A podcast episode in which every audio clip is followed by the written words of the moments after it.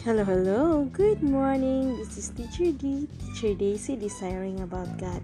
Og magsugod na usab kita sa atong mga pagbasa. Ah, ready na? I hope ready na. So, karon ikaw 113 nato sa atong um, journey sa desiring about God.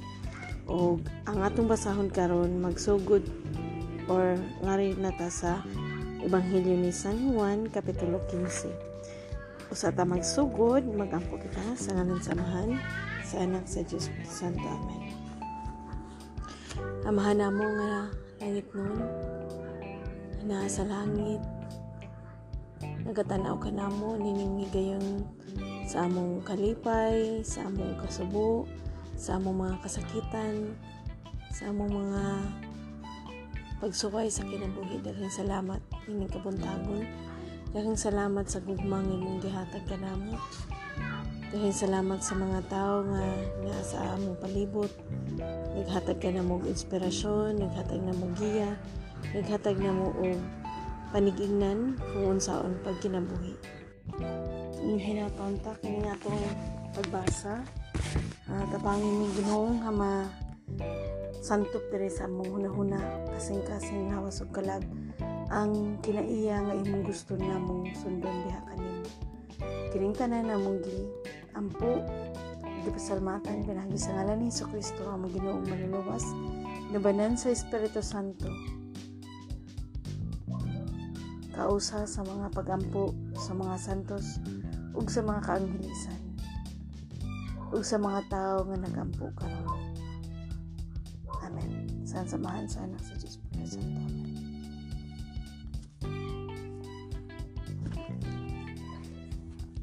Ang mayong balita mahitungod kang Heso Kristo sumala sa Ebanghelyo ni San Juan, Kapitulo 15, versikulo hangtod sa 27. Umayaan ikaw o Ginoo. Si Jesus ang matuod na nga punuan sa paras. Versikulo 1 nga to sa 17.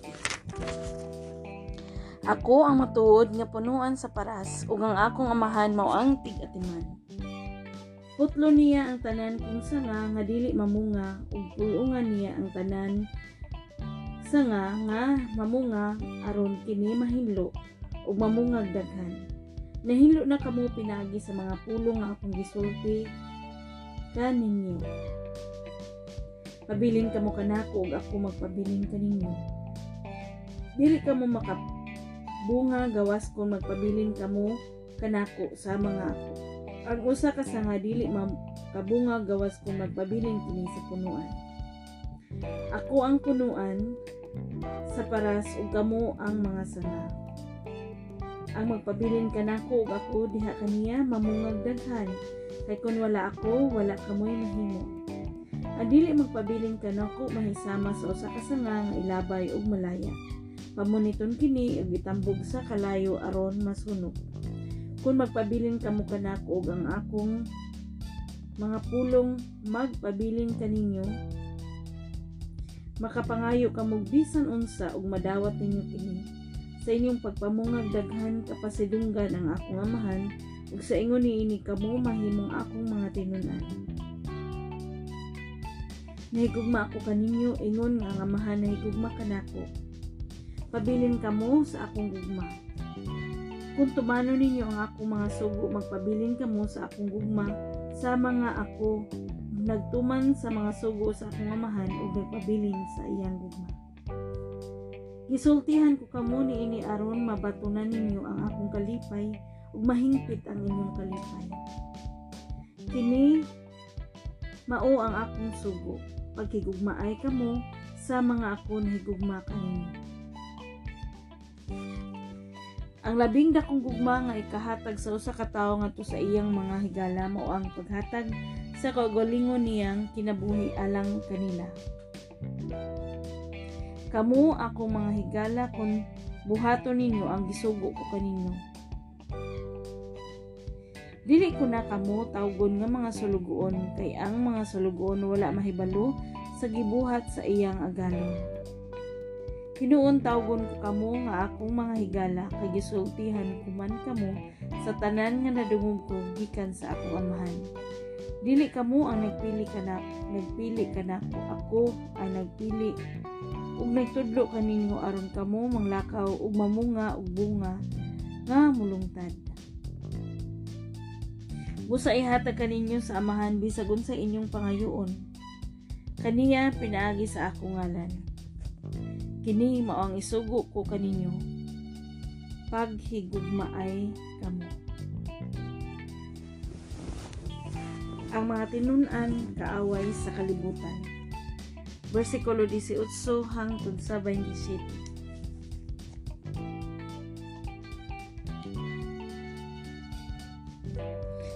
Kung nasilag kaninyo ang kalibutan, hinumdumi nga ako'y unang gikasilagan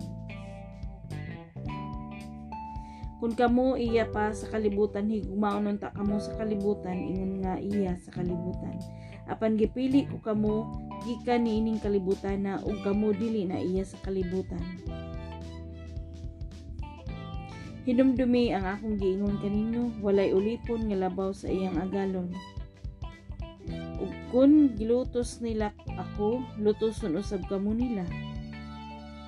Kung tumano nila ang akong gisulti, tumano no sa nila ang inyong gisulti. Apan kining tanan buhato nila kaninyo tungod kanako kay wala man sila. Makaila kaniya nga nagpadala kanako. Dili unta sila makasala kung wala pa ako muanhi ug musulti kanila. Apan karon dili na sila makaingon nga wala sila'y sala.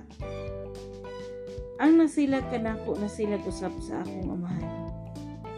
Dili unta sila makasala kung wala ko pa buhata ang mga milagro diha kanila nga sukad masukad wala pa gayoy nakahimo. Apan karon Apan karon nakakita sila sa akong nabuhat ug nasilag sila kanako ug sa akong amahan. Hinuon kinahanglan nga mahitabo kini aron matuman ang nasulat sa ilang balaod nga nagingon gikasilagan nila ako bisag walay hinungdan Muanhi ang magtataba nga mao ang espiritu nga nagpadayag sa kamatuoran nga gikan sa amahan. Ipadala ko siya gikan sa amahan ug magsaksi siya mahitungod kanako.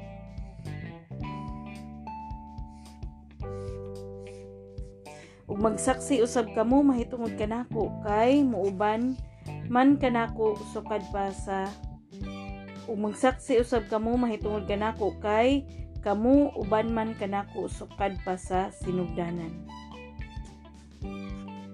Mao kini ang pulong sa Ginoo Daigon ikaw mao kini ang ebanghelyo sa Ginoo Daigon ikaw Kristo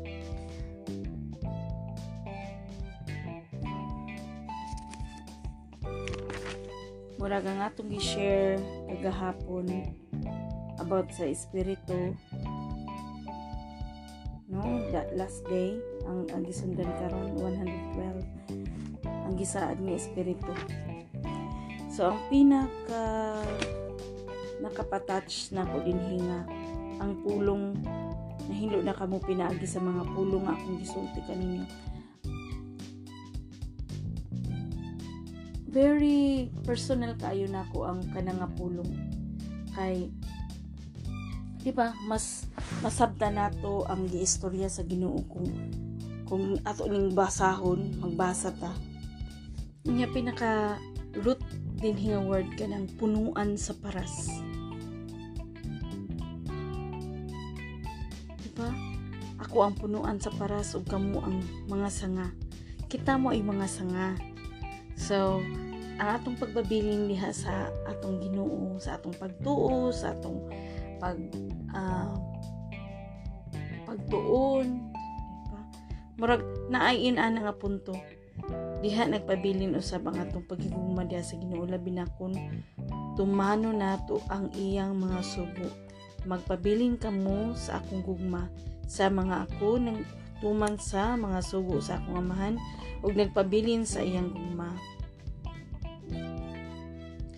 Tapos, lami lang sa feeling nga, dili kaingon nga, kanang bothered of what other people say about you kung sa ilang istorya nimo.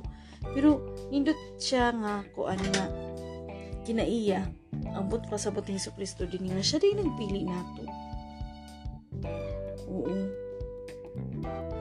Dili kita mo nagpili niya. Dili dili kita mo hingpili ni Jesus Christ nga mo ay mukan siya mo nagpili nato nga makaintindi ta makasabot ta makaintindi makasabot makalihok ta sa mga butang nga iyang gipabuhat ka nato sama anang makaintindi ta sa mga tao nga lisod intindihon or makasabot ta sa ilang mga kanang kakuwangan so iya ng pagbuot. Tapos ang ako lang particular ni si kita ni Jesus Christ we are his friends. Oo. Kay nakatuman man ta sa iyang sugo sa paghigugma karon kita nga to sa amahan. Oo to God we are servants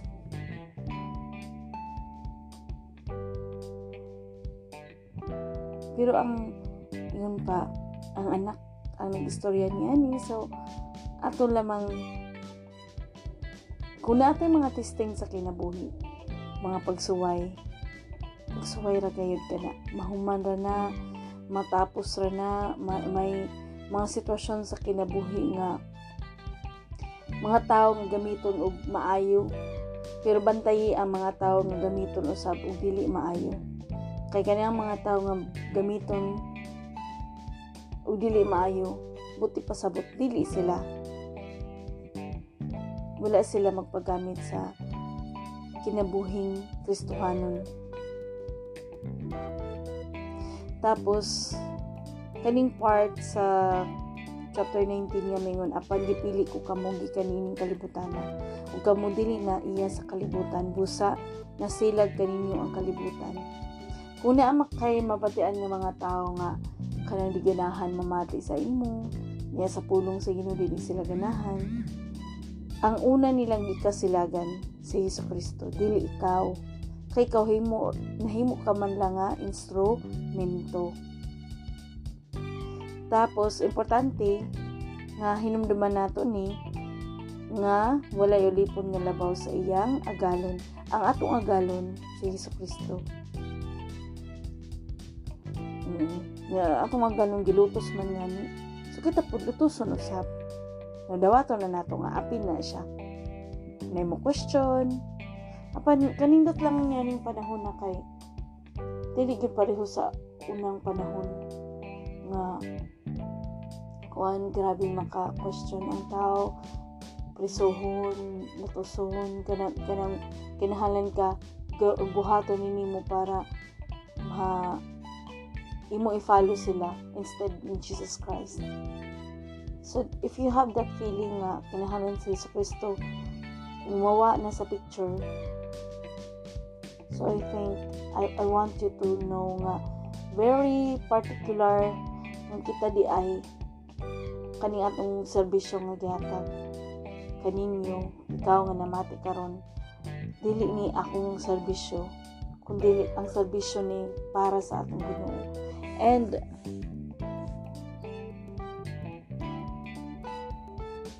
si Kristo nga ni isip kasilagan sa iyang panahon atong panahon na. Kinsa man ta nga dili. Tapos naatay magtatabang and the Holy Spirit is here. Siya ang magpadayag sa kamatuoran. Niya ang kanang kamatuoran gikan sa amahan. Siya mao ay magsaksi mahitungod kang Hesu Kristo. So kitang mga tao nga nagpuyo nga gipakita gi-witness nato si Jesus Christ gibasa nato siya ug unsay iyang mga buhat. Kay para nako kung kita wala mag magbuhat ni Amy no? Ah unsa man gibuhat nga daily para ni God? Unsa may atong gi kabisihan? Unsa may unsa man siya pag-alagad kay kung wa ta mag-alagad niya wala ta mahimo niyang higala. Kinsa man ang imong higala? Si kinsa man ang imong gi unsa man ang imong gipamatian unsa imong gitan-aw unsa imong gi how do you picture yourself sa sa sa kinabuhi nga gi-promise ni Jesus Christ asa ka dapita nga kung sa karong adlaw karong panahon na ah mag kuanta yun pa naglihok ta unsa nga mga lihok? Particularly dapat natong dapat tamang kuan maglihok para sa atong panginabuhian pero dapat pod di nato kalimtan. Nga ang atong kinabuhi dinhi mubo lang Unya we have eternity to serve. We have to prepare, kung mul- mulakaw tapuhon ang ang atong lakwan nga tuta sa langit. Unya how do we prepare? Di ba kung manglakaw ta, kanang mo manglakaw, manglaag. Let's say for example na mo beach party or beach night out. Unsa man inyong giandam? Syempre magandang tag sinina para isuot anang panahon na anang higayon na. So kinahanglan ka sa butag unsa nga nga lugar. Unsa kinahanglan buhaton may suga ba dito may brown out ba? So kinahanglan natay emergency. Sa pagkaon kinahanglan natay pagkaon. Mo na siya nga mo pag travel lang ta uh, for the future nga unsa atong gidada unsa ato gidada so dinhi na lang kita kutob ha? Ang mga tinun-an kaaway sa kalibutan. Tingaling na hadlok ka nga mahimo kang kaaway ni aning kalibutan. Kay ni aning kalibutan kanang atong kawilihan mamahimo tang kaaway. Ug nay mga tao nga mahimong instrumento nga mahimo po natong kaaway. Pero di ta mangaway. Ato silang iyam. And this, thank you sa imong pagpamati. Ayaw paghunong, ayaw pagundang, padayon ta sa atong pagbasa. Kay grabe ang blessing nga iyang ibubo. Nya siya, gipili ka, kung nabati mo ni mo ni gipili ka. Gipili ka nga makasabot. Gipili ka nga makabati. Gipili ka nga ang atong pagka sumusunod ni Hesus Kristo. May dakong kabugaton sa kinabuhing dayon. Ay kalimot. Magiging maay kita. So please pray Let's end up. Sa samahan sa Diyos po sa kami. Ginoo, Diyos samahan nga nasa langit. Salamat sa pagtutugma nga imong gihatod ka namo. Salamat sa dako nga grasya sa paglaom sa pagtuo ug sa pagtutugma. Nga kini nga pagtutugma mahatag unta namo nga sadang nga ika pakita sa mga isikataw nga makita usab nila ug unsa ka mahigugma unsa ka dako ang imong pagigugma tungod niini among yan po ang gitudlo sa Kristo. Amahan namo nga na sa langit balaano ng imong ngalan. Maghari ka kanamo ug tumano ng imong pagbuot ni sa yuta. Sa mga gituman kini dito sa langit ihatag kanamo ang pagkaon nga among gikinahanglan karong adlaw Magpasaylo kami sa among mga sala sa mga kami nagpasaylo sa mga nakasala kanamo. Ayaw kami itugyan sa pagsulay, luwasay noon kami gikan sa dautan kay imong gingharian ang gahom ug ang himaya hangtod sa kahangturan. Amen. Sa samahan sa anak sa Diyos Espiritu Santo. Amen.